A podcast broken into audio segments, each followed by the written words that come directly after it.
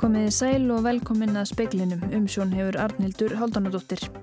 Tveimur þjóðvarliðum sem grunaður eru um að tengjast öfgasamtökum hefur verið vikið úr liðinu sem gæta á öryggis á innsetningar að töp Joe Bidens í ennbætti fórseta bandaríkjana á morgun. Bændasamtök Íslands og landbúnaðráðunettið ræða nú hvernig mögulega sé hægt að bregðast við aukinni byrðarsöfnun á nauta og svínakjöti og lengri bygglista í sláturhús. Þetta segir formaður bændasamtakana. Hanna Katrín Fredriksson, þingflóksformaður viðreysnar, gaggrindi harlega við uppaf þingfundar þar sem hún kallaði bygglistablæti ríkistjórnarinnar. Þar átti hún við þau 2000 leghálsíni sem hefðu leið ógreindu hann í kjallara. Og formaður BSRB segir að stytting vinnuveikunar eigi ekki að bytna á þjónustu vinnustada. Megin forsendurnar sé að laun lækki ekki og að launakostnaður aukist ekki. Tveimur þjóðvarliðum hefur verið vikið úr sveitinni sem gætir öryggis í Washington vegna innsetningar Joe Bidens á morgun. Þeir eru saðir tengjast öfgahópum. Ingólfur Bjarni er í Washington. Eh, Ingólfur, hvað vita meira um þetta? Já, í sjálfins er, eh, er voða lítið vitað annað en að þeir eru saðir tengjast öfgahópum eins og þú saðir. Uh, það kannski kemur ekki á óvart að 25.000 manna þjóðvarðliði hérna séu einhverjir með einhvers konar tengingar í ofunulegar áttir. Uh, það er líka tekið fram reyndar að þeir séu ekki grunnaður um að tengjast neinu svona einhverjum, einhverjum ráðabruggi eða slíku uh, heldur einfallega einhvers konar tengingar sem að þykja ekki aðskiljaður og þess vegna eru þeir, já, hafa þeir verið teknir úr umferða sinni. Já, en það er eitt og annað sem að býður nýs fórseta. Hver verða fyrstu ennbættisverk bætans? Já, fyrsta ennbættisverk eru væntalega aðalega tengd etnahagsmálum og COVID sem er hér að setja allt á hliðina. Trump og félagar hafa reyndar gert sitt ítrakst alltaf að koma svona pólitíst hliðhólla fólki í alls konar ennbætti á undanförnum vikum og fjölmjöla segja að þær mannaskipanir geti skapa vanda. Það hefur líka verið hrætt í málinn sem hún var Kúbu og Íran. Það getur flægt enn frekar tilhörnum til að fyrir enn lausna á þeim vandamálum. Kanski það sem er þó bætin í vil er að hann nýtur sæmleira vinsalda og þær hafa aukist nokkuð hratt og tröst almennings ánum kannun síðan enn eru 61% þeirra sem svöruðu, já þau búast við að hann standi sér vel. Til samanbörða var hlutalli 79% í Obama en ekki nema 48% hjá Trump. Uh, já, þetta er líklega COVID sem er efst á blæði og það var, voru þau sorglegu tíma mót hér í dag að þeir, fjöldi þeirra sem hefur látist er hún komin upp í 400.000 og uh, þeir sem að taka við þessu verkefni á bætinstjórninni eru þegar búin að segja að vegna stökkbreytinga á veirunni sem að virðast alltaf hraðar í útbreyslun og meira smiti þá séu alla líkur á því að þessi tala verði komin upp í halva miljón í februar. Við fylgjumst áfram þessu Ingóli Bjarni, takk fyrir. Janet Yellen sem Joe Biden verðandi bandaríkjafórseti hefur valið til að gegna embætti fjármlaráþöra í stjórnsinni segir að gripið verði til allra tiltækra vopna til að takast á við svívirðilegar ósangjartar og ólöglegar aðferðir sem kynverjar beita til að grafa undan efnahag bandaríkjana. Yellen létt þessi orðfalla í dag þegar þingmenn í fjármála nefnd öldungadeildarinnar yfirhyrðu hana áður en þingi staðferstir skipan hennar. Hún sakaði kynveri um að grafa undan bandariskum fyrirtækjum meðal annars með ólaglegum niðurgreðslum, undirbóðum, hugverka þjófnaði og viðskipta hindrunum. Janet Yellen hefur viðtakar einslu úr bandarísku efnahagslífi. Hún tók við stöðu bankastjóra, Sæðla banka bandaríkjana af Bern Bernanke árið 2014, fyrst hvenna í 100 ára sögu bankans og gengdi henni í fjögur ár. Árin fjögur þar á undan var hún aðstóðar bankastjóri. Þá hefur hún á starfsferlinum kent og stundað hagfræðiransóknir við Harvard Háskóla, London School of Economics og Berkeley Háskóla í Kaliforníu.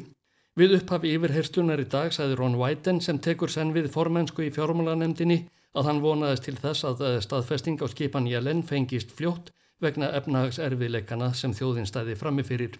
Fulltrúi republikana hvaðst óttast að stjórn Bidens hegðist hækka skatta og stefnað umfangsmiklum útgjálta áætlunum. Áskir Tómasson saði frá. Hanna Katrín Fredriksson, þingflóksformaður viðreysnar, gaggrindi harlega við upp af þingfundar þar sem hún kallaði byðlista blæti ríkistjórnarinnar. Þar á hún við þau 2000 leghálsíni sem hafa leið ógreind ofan í kjallara. Hanna Katrín telur að ástæðan fyrir þessum óvanalega byðlista sé svo sama og ástæður margra annara byðlista ríkistjórnarinnar. Það sé vann traust á sjálfstætt starfandi sérfræðingum og frjálsum félagsamtökum innan helbriðiskerfisins. Við þekkjum dæmin af fólki sem er sendt til útlanda á kostnað ríkisins til að gangast undir liðskipta aðgerið þar með tilhörandi óþægindum og kostnaði. Frekar en að stjórnvöld nýti sér sérfræðikunnáttu og afkastagetu sjálfstæðsstarfandi sérfræðinga hér á landi. Leghálssíminn á sérst að senda til útlanda og bygglistin er tilkomin af því það er ekki enþá búið að semja við þennan einhver í útlöndum sem á að taka við keflinu af íslenskri frumur ansóknarmiðstöð sem er og hefur verið til staðar. Saði Hanna Katrín Fredriksson á Alþingi í dag. Óskar Reykdalsson, forstjóri heilsugjastlu höfuborgarsveðisins, segir að stemt sig að því að greining leghálsína verði komin á fullt á næstu dögum. Samið hefur verið við danska rannsóknastofu og ógreind síni sem tekin voru á leitastuð krabbamennsfélagsins verða sendt út á næstunni. Óskar segir ekki hægt að sætta sig við að þurfa að býða lengi eftir niðurstuðu. En þetta er svona svipa eins og verið hefur, en það hefur auðvitað verið óásættanlegt að það býða mjög lengi eftir niðurstöðan því það er best að gera þetta sem fyrst.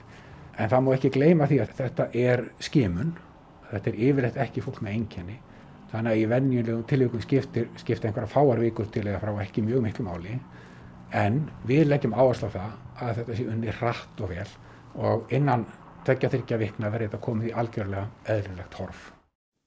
Óskar segir áherslu lagða á að greina eldstu sínin og áhættu sínin fyrst en þau séu frá því í november. Þá verði byggtíminn stittri í nýju kerfi eða innan við mánuður.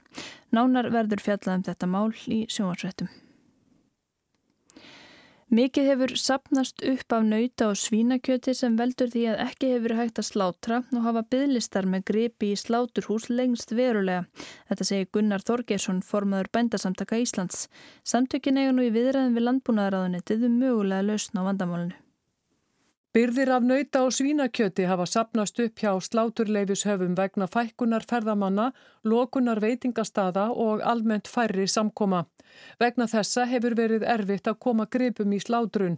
Millir 2500 til 3000 nautgripir býða eftir að vera slátrað sem er þrísasinu fleiri enn í venjulegu árferði. Svipað hefur átt sér stað hjá svínabændum.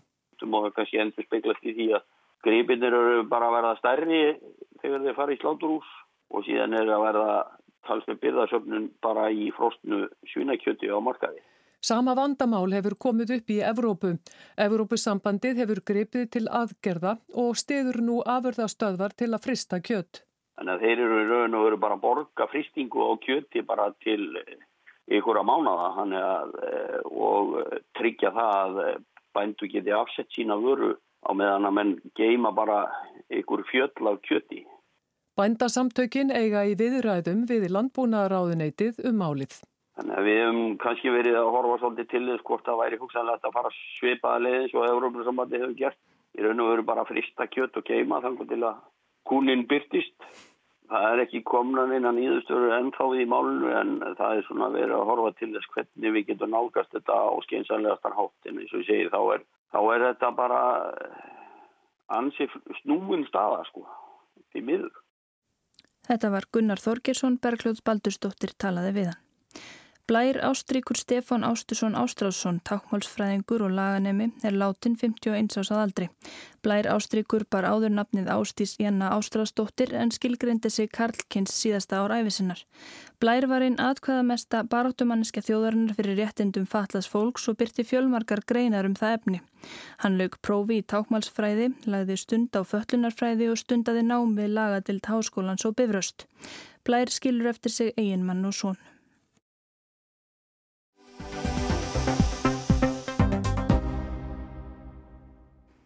Formaður BSRB segir að forsendur styttingar vinnuvikunnar séu að fólk lækki ekki í launum og að launakostnaður hækki ekki. Styttingin megi ekki heldur bytna á þeirri þjónustu sem veitir. Sankvæmt kjærasamningum átti styttingu vinnuviku dagvinni fólks að vera lokið um áramótin. Málið er eða getur verið flókið og því skiljanlegt að ekki sé búið að ljúka þessu verki á öllum vinnustöðum. Sankvæmt upplýsingum frá BSRB hefur meirulhutti stopnana ríkisins og vinnustæði Reykjavík nú þegar ákveði að stitta vinnuveikuna úr 40 í 36 stundir. Af þeim áttaráðunitum sem hafa lokið við að semja við sitt fólk eða tilkynntan hafa alltaf 80% eða farið þá leið að stitta vinnutíman í 36 stundur á viku. Aðreir hafa farið einhverja millileið en aðeins örfáir hafa ákveðið að stitta vinnveikuna um 65 mínútur á viku eða 13 mínútur á dag. En hvernig hefur þetta gengið? Sonja Ír Þorbergstóttir, formaður BRSRB, segir að heilt yfir hafi þetta gengið vel. Ekki séu komna nægilega margar tilkynningar frá sveitarafélögum til að meta stöðuna heilstætt. En við sjáum hins vegar af þeim tilkynningum sem okkur hefur borist að það getur verið mjög mikið fjölbreytn í því hvernig vinnustæðir innan hvers sveitafélags er að stitta og svo misjant eftir sveitafélagum. En nú hefur komið fram að eh, á sumu vinnustöðum að þá virðist verið eins og stitting vinnuvikunar bitna á þjónustu viðkomandi vinnustæðar. Var það hugsun á bakvið stittingu vinnuvikunar? Nei, það var einmitt ein megin fórsendan og er skrifið inn í kjærasamningin að þetta á að byggja á umbóta samtali sem að gengur út á það að finna út úr því hvernig sé hægt að vinna betur, bæta þjónustuna og tryggja fólki líði betur með stýttingu vinnuökunar. Þannig að það er eina fórsendunum að það er ekki að verða korki aukninga á launakostnaði, nýja fólk er að lækka í launum og sömulegis að það með ekki bytna þeirri þjónustu sem er veitt. Þessi gaggrinni hefur meðalans komið fram í leikskólum þar sem er kannski erfitt að ég eh, auka ekki launakostnað en, og jáfnframt að stitta vinnveikuna. Hvað er þetta að gera þar? Í grunnina þá verður að verður að segja eins og er að leikskólanir þeir eru mjög fjölbreyttir og sumstaðar er einfallega bara mann ekla og, og við sjáum dæmum það að þeim gangi betur eins og núna hjá borginni að bæta vissi starfsfólki þegar að búa ákveða stýttingu vinnuveikunar En leikskólar eru þannig starfsemi að, að mínumati að þá eiga þau að fá stuðning frá sínum sveitafélögum í það hvernig þau að fara í þetta verkefni.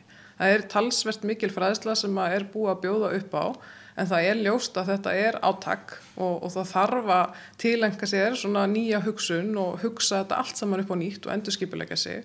En það er um 90% leikskóla hjá Reykjavíkuborg sem hefur tekist að stitta vinnuvíkuna í 36 án þess að, að hafi áhrif á þjónustuna hefðum. Þannig að, að þitt uh, svar er það að klárlega að þetta á ekki að bytna á þjónustu viðkomandi vinnustöða. Það er alveg á hreinu því það er eitt af megi markmiðunum með þessum breytingum er að við erum að sína fram á það að ná þessum gagkvæma ávinningi bæði fyrir vinnustöðin og starfsfólkið og það þýðir það að megi ekki bytna á þjónustunni. Grunntótnin eða megin markmiði er að vinnuveikan stittist úr 40 klukkustundum í 36 Lámarstýtting er 13 mínútur á dag eða 65 mínútur á vikun. Í því tilfelli haldast matar og kaffetímar óbreyttir sangkvæmt kjærasamningi. Kaffetímar alls eru 35 mínútur, hafa verið hluti af vinnutímanum en ekki matatímanir. Laun hafa ekki verið greitt í matmálstíma. Og þá má umbreyta kaffetímanum sem hafa verið hluti af vinnutímanum og eru 35 mínútur á dag. Og þar til viðbútar kemur 13 mínúna stýtting. Uh, ef maður reynir að taka þetta síðan í meira svona praktísku formi þá er þetta í grunninn þetta að það á að vera samtala á vinnustafnum á að skoða bara í hvert hótt hvernig er hægt að breyta starfseminni hægt að vera fastur í viðjum vanans og bara brjóta upp formið og velta fyrir sér hverju er ég að vinna verkefni með þessum hætti get ég breyti og ef ekki hverju ekki, e, þarf að kalla á einhvers konar aukna teimisvinnu eða þarf einhverja rafræna lausnir og, og bara svona velta við öllum steinum og þegar að fólk er búið átt að sá því hvað það getur gert til þess að nýta tíman betur að þá sé hægt að stýtta vinnuvíkuna en þessi hlið þau áttur umverulega bara verða sveianleiri fólk þarf auðvitað áfram að fá að borða og þess vegna átti það að vera hluta samtalenu að fólk myndi ræða sinni nýðustöðu út frá sinni starfsemi út frá því bara hvernig álæðið er í starfi hvernig hlýðin væri. Sumur þurfa alltaf með skvildarhlið, aðri þurfa svona tiltekinn tíma í matahlið þegar þeir eru bundnir við sína þjónustu en aðri geta bara skroppið frá sinni vinnustu og fengið sér að borða og komið aftur án svona auka tafa. Í þeim tilfellum þar sem að vinnutímin stýttist í 36 stundir eh, eru þá engin eh, matarhlið nýheldur kaffilið eða það er ekki verið að það er engin ógreittur tími sem fyrir korki kaffi niður matarlið. Ef að það er farið í 36 stundar vinnuöku þá svona út frá þessari formlegu hlið, ef maður horfir átt út frá kjærasamningnum, að þá er verið að umbreyta þessum greittu kaffitímum yfir í svona sveianleiri hlið, en það er hins vegar mikilvægt að þetta sé eitthvað sem er rætt á vinnustanum. Hvernig eigi að haga þessu í framtíðin út frá breyttu vinnutímaskipulagi en það er alveg ljóst að verða allir að borða og sumur þurfa einfallega kvíld frá sínu störfum að þegar megin markmið með stýttingu vinnuökunar er að tryggja betri líkamlega og andlega líðan fólks og auka möguleika samþæktingu vinn og engalífs og líka bara öryggi starfsfólks. Þannig að það má ekki vera þannig upplegið að það er að gangi gegn þessu markmiðum að þegar fólk ætlar að hlaupa svo hratt í vinnunni. Er að bara ætlar ekki að breyta neinu til þess að ná í styttinguna. Það þarf þess að endurskipulagningu. En það var alltaf að segja þegar að vera að tala um 65 mínútur af 13 mínúta stytting á dag á viðveri vinni sé mikil stytting. Getum við sagt að já, stytting vinnuvíkunar sé í sumu tilfellum já, frekar meira í orðu en á borðu? Já, ég er sammálað því að það er nokkuð búið að afbaka þessa merkingu að því við vitum og sjáum það í rannsóknum eins og frá tilhjónaverkefni Reykjavíkuborgar að það auðvitað stigmagnast eh, raunverulega þessir í ákvæðu þættir sem við viljum sjá koma út frá styttingunni eftir því hversu mikið er stytt. Þannig að einmitt klukkutíma stytting að hún hefur lítil sem engin áhrif og ég held að, að það verði allir að fara að velta því fyrir sér betur hvaða markmið með verið að reyna að ná með styttingunni og leggja á sig þá vinnu og það er svo sannarlega vinna að endurskipilegja sig en hún skila sig markvallt tilbaka. Bæði Reykjavíkuborg og einhverja ríkistofnarnir hafa búið að reynslu vegna tilraunaverkefni sem styttingu vinnuvekunar. Það er samiðum með fyrirkomlega á hverjum vinnustad en eru dæmið með vinnustadi þar sem allt er stál í stál og samningar takast ekki. Það er hægt að tilkynna til, það heitir innleggingar hópur sem við hefum sætið saman í eh, samtök launafólks og launagreðenda og vinnustæðir sem að einmitt bara finna ekki leiðin að þessu eða það er bara ágreiningur að þau geta skilað en tilkynningu til okkar þar um og þá fá þau stuðningum það. En hins að það sem er kannski út frá stuðin í dag að þá er meira um það að vinnustæðir sé annarkvært ekki búin að klára eða þá við erum ekki búin að fá tilkynninguna. Af því að það, þetta fer til staðfestingar hjá til að missa sveita stjórn eða viðkomandi ráðunetti þannig að við erum ekki komið með svona heildar yfir sína hversu margir eru búin að klára og hverjir ekki. Sankvæmt kjærasamningum ofinbæra stafsmanna á vinnu við að stýta vinnuveiku vaktafinu fólks að vera lokið fyrsta mæ. Sonja segir að margir komi að þessari vinnu.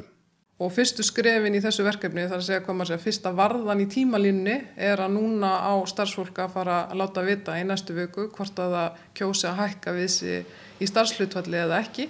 Og svo þá í framhaldinu að þá verða að koma á þeim tíumpunkti að það verði skoða hvort það þurfi ekki að taka upp nýtt vaktkerfi út frá kerfisbreytingunni. Og það er mjög mikilvægt í þessu að þetta eru það stórar breytingar. Ég held að fólk verða að hafa það hugfast að við erum að byggja þetta á rannsóknum og þeir eru þekkingu sem við höfum að áhrifu vaktafinu á fólk í dag. Og erum að búa til nýtt kerfi út frá því. Við erum raunverulega að slökka á þessu gamla kerfi og kveikja á nýju. Þetta var Sonja Ír Þorbergsdóttir Arnar Páll Haugsson talaði við hana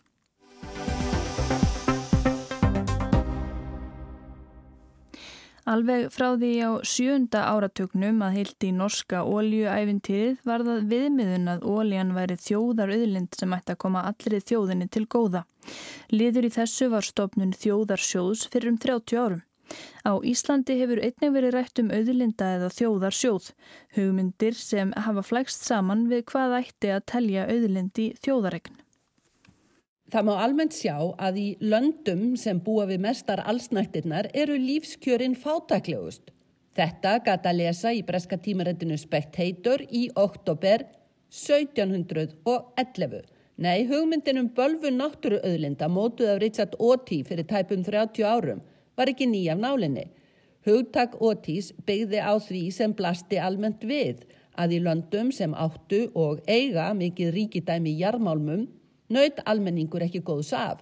Þetta eru oft gjörspilt lönd þar sem auðlindaarðurinn rennur í fára vasa ekki í ríkisjóð. Annað jarðefni, ólja, hefur líka viða reynst vand með farin auðlind.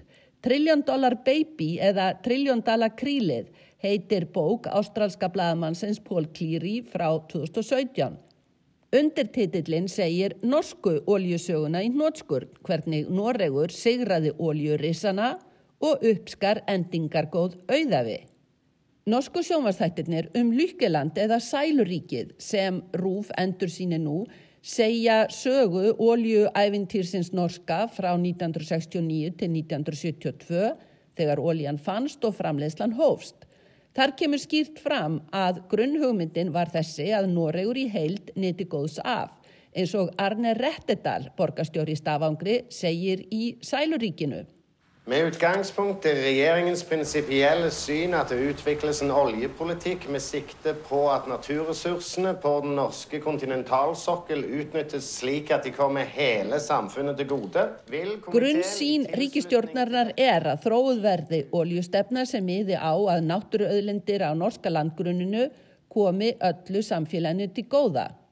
Stefna fælt í oljubóðorðin 10 í byrjun 8. áratugsins og sem Rettedal les svo þarna upp. Rettedal var íhaldsmaður en í þessum efnum var samhljómur með norska íhalsfloknum og svo verkamannafloknum sem lengstum var við völd á þessum tíma. Stefnan var að ríkið stýrði oljuvinnslunni, þar af undirtitillin í bóklýris um sigur Noregs yfir alþjóðlegu oljurísunum sem voru einlæglega á móti þessari stefnu en urðu á endanum að lútenni. Afraksturinn var meðal annars Norski Óljusjóðurinn, nú stærsti þjóðarsjóður í heimi, sem forvaltar þennan auðlinda arð normanna. Lögum sjóðin voru sett 1990. Á þessum árum var stjórn annarar auðlindar í mótun á Íslandi. Lögum kvotakerfi svo kallaða tóku gildi 1984 og þeim svo breytt verulega 1990. Það kerfi var fyrst og fremst hugsað sem fiskveiðstjórnunarkerfi, ekkert sem hefði hindrað að hugsa það frá upphafi bæði sem tæki til veiðstjórnunar og sem auðlindastjórnun, þannig að úr yrði auðlindasjóður í þáu allra landsmanna eins og svo norski. En nei, það var ekki með í myndinni á þeim tíma. Kvótakerfið hefur reynst lífsegt deilumál og það má segja að auðlinda ákvæði nýju stjórnarskrárunar sé endurómur þeirra deilna. Því aðtiklisvert að það ákvæði virðist nú valda mestum deilum í meðförum flokksformana á alþingi en ekkert samkómulag um þetta ákvæði. Undanfarin ár hefur hugmyndin um einhvers konar auðlindasjóð komið upp í stjórnarsáttmálum. Vinstri stjórnin 2009 hafði á stefnu skrá að stopna auðlindasjóð sem ráðstafaði fiskveðréttindum í eigu þjóðarinnar og arðurinn rinni í sjóð til atvinnuppbyggingar. Fiskur þarna talin þjóðarauðlind. Næst segir af sjóði utanum arð af orkuauðlindum í eiguríkisjóðs í stjórnarsáttmala hinnar skamlífu stjórnar sjálfstæðisflokks viðreisnar og bjartrar framtíðar í janúar 2017. Sjóður sem átt að jafna sveiblur efnagslífsins og tryggja komandi kynnslóðum skerf af sameilugum auðlindum reyndar aðeins orkuauðlindum. Í stjórnarsáttmála núverandi stjórnar er talað um þjóðarsjóð utanum arð af auðlindum landsins og byrjað á orkuauðlindinni eins og segir í sáttmálanum. Nokkurs konar viðlega sjóður gegn fjárhagslegum áföllum en líka svo litið eitthvað fyrir alla, stiðja við nýsköpun og fjármagna hjúgrunaraðstöðu fyrir eldstu kynsluðuna. Í oktober 2019 lagði Bjarni Bendisson fjármálaráð þeirra fram frumvarp um þjóðarsjóð eins konar áfallavörd fyrir þjóðina eins og segir í frumvarpinu. Það er þessi eina auðlind fyrir sjálegur arður af landsvirkjun sem vekur þessa hugmynd eins og fjármálar á þeirra nefndi viðtal við rúf daginn sem að lagði frumvarpið fram. Já, það eru ákveðin tímamót að verða núna þegar við sjáum fram á að fá stóra auknar argreslur frá landsvirkjum sérstaklega og við þær aðstæður þá þykir mér, þykir mér rétt að við stöldrum aðeins við og spyrjum okkur er þetta tækifæri til þess að koma á fót svona áfallasjóði eins og þessum þjóðarsjóðu sem hér er verið að leggja til. Það er óljóst hvort frumvarpið verður afgreitt fyrir kostningar en áhugavert að bera fyrirhugaðan þjóðarsjóð sama við óljusjóðu norska. Meirum það síðar. Segrun Davistóttir saði frá.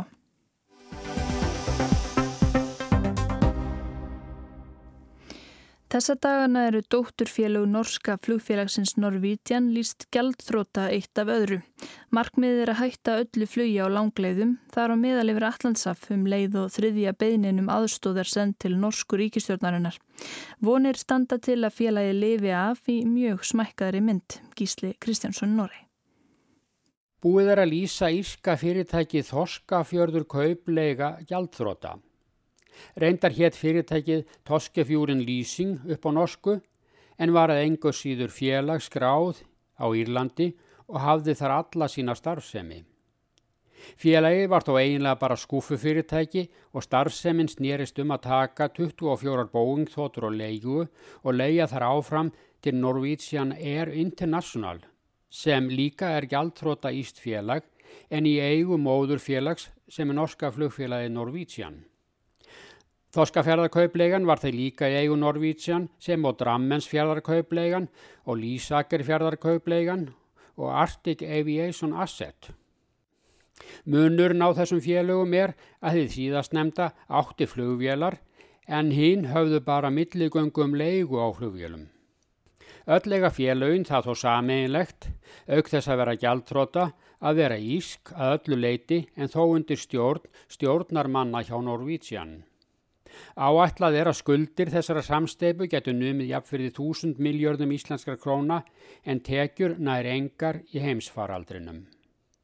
Það er með öðrum orðum þessa dagana verið að taka niður mikla spila borg af ískum félugum í eigu flugfélagsins Norvítsjan. Þessi félug fengu greiðslustöðun fyrir jólinn meðan verið væri að endur skipulegja samsteipuna. Frestur nátt að vera fram að páskum. Fyrir jól þótti jáfnvel líklegt að ferðaþjónusta gæti hafist af fullum krafti fyrir vorið. Núna er svo von úti. Búið að fresta sumrunu fram á haust, hið minsta og setja páskana í geimslu til síðari nota. Dótturfélugunum á Írlandi verður því ekki bjargað. Þannig verður Norvítsjan bara með lámarstjónustu með fáum flugvélum í bóði fyrstum sinn og í samrami við það var nú í vikunni byrjað að lýsa félögin sem voru í greiðslustöðun gjaldtróta. Skera allt inn að beini og nú er það yfirlýst stefna Norvítsjan að sinna aðeins heimamarkaði og fljúa á stittri leiðum millir Noregs og Evrópuborga. Þar með verður ekki fyrir sjáanlegri framtíð bóð upp á langflug yfir Allandsaf hjá Norvítsjan, ekki heldur flug til Asju. Þar með dregur úr samkeppni á þessum flugleiðum og með þessu hverfa 37 þóttur af gerðinni Boeing Dreamliner úr þjónustu hjá Norvítsjan þær eru til sölu. Þar með líka draumur Björns Kjús, stopnanda og lengi eiganda Norvítsjan um að reka lágjaldaflugfélag og langleiðum úr sögunni. Mjög var á sínum tíma deilt á að starfseminn var að mestu flutt til Írlands. Þar voru ekki bara flugvélar teknar á leigu, heldur allur starfskraftur leigudur inn á lakari kjörum en heimilið eru heima í Noregi. Norska vinnulögjöfin er strangar en svo íska. Talið er að um 2000 manns missi vinnuna við þessar síðustu tiltektir. Jáfnframt losnar Norvítsjan við mikla skuldir og stjórnendur þar vonast til að félagi lifi af í smækkaðri mynd. Móðurfélagið hefur sendt þriðju beðnina um ríkis aðstóð til ríkistjórnarinnar. Félagið verður nú bara nost og ekki lengur að stórun hluta írst og þá fæst ríkistjórn Noregs ef til vill til að leggja fram fjö. Svar er enn ekki komið en fyrri beðnum um aðstóð hefur verið hafnað. Norvítsjan er nú talið að mestu eigu almennings því stóri reigandur hafa losað sig við sín hlutabref. Hlutafjöð er nær verðlaust og þúsundir lítilla spámanna í kaupöllinni hafa séð sér leik á borði og keift bref upp á von og óvon. Brefin kosta næri því ekkert. Lifi félagið af geta hlutabrefin orðin verðmætt síðar. Farið það ekki aldrótt er tapið óverulegt hvortið er. Þetta er hapdrætti með all góðum vinningslíkum núna. Saði Gísli Kristjánsson. Veðurhorfur það verður norðanátt á morgun við að 10 til 18 metrar á sekundu en sumstaðar kvassara í vindstrengjum við fjöll. Jél eða snjókoma á norður og austurlandi en bjart með köplum sunnan til, frost að sjö stegum. Það var helst í speklinum í kvöld að tveimur þjóðvarliðum sem grunaður eru um að tengjast augasamtökum hefur vikið úr liðinu sem gæta á öryggis á innsetningar aðtöfn Joe Bidens í ennbætti fórsetta bandaríkjana á morgun. Bændasamtök Íslands og landbúnaðaráðunetið ræða nú hvernig mögulega sé hægt að bregðast við aukinni byrðarsöfnun og nauta á svínakjöti og lengri byðlista í sláturhús. Þetta segir formaður bændasamtakana. Hanna Katrín Fredriksson, þingflokksformaður viðresnar, gaggrindi harlega við upphaf þingfundar þar sem hún kallaði byðlistablæti ríkistjórnarinnar. Þar átt hún við þau 2000 leghálsíni sem hefur leið ógreind ofan í kjallara. Fleira er ekki í speklunum í kvöld. Tæknum aður í útsendingu var Mark Eldred. Verðið sæl.